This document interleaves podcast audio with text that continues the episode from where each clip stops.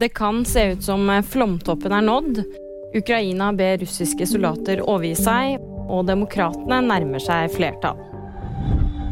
Politiet opplyser lørdag morgen at det kan se ut som flomtoppen på Vestlandet er nådd. Uværet har herjet der det siste døgnet. Voss er særlig hardt rammet, og det jobbes lørdag morgen med å fjerne vannet som har kommet inn i Kulturhuset og andre bygninger i sentrum. Flere veier er stengt, og skadene er omfattende etter flommen.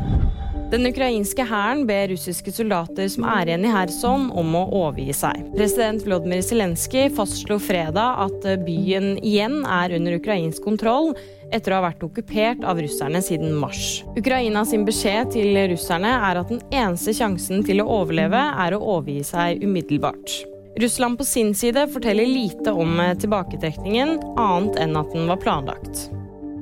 Demokratene nærmer seg flertall i Senatet. Mark Kelly er gjenvalgt fra Arizona, og Catherine Cortez Masto i Nevada tar kraftig innpå sin republikanske rival. Etter Kellys seier i Arizona så har demokratene og republikanerne sikret seg 49 mandater hver. Vinner demokratene også Nevada, så beholder de kontrollen over Senatet. Og VG-nyhetene de fikk du av meg, Kaja Marie Andreassen.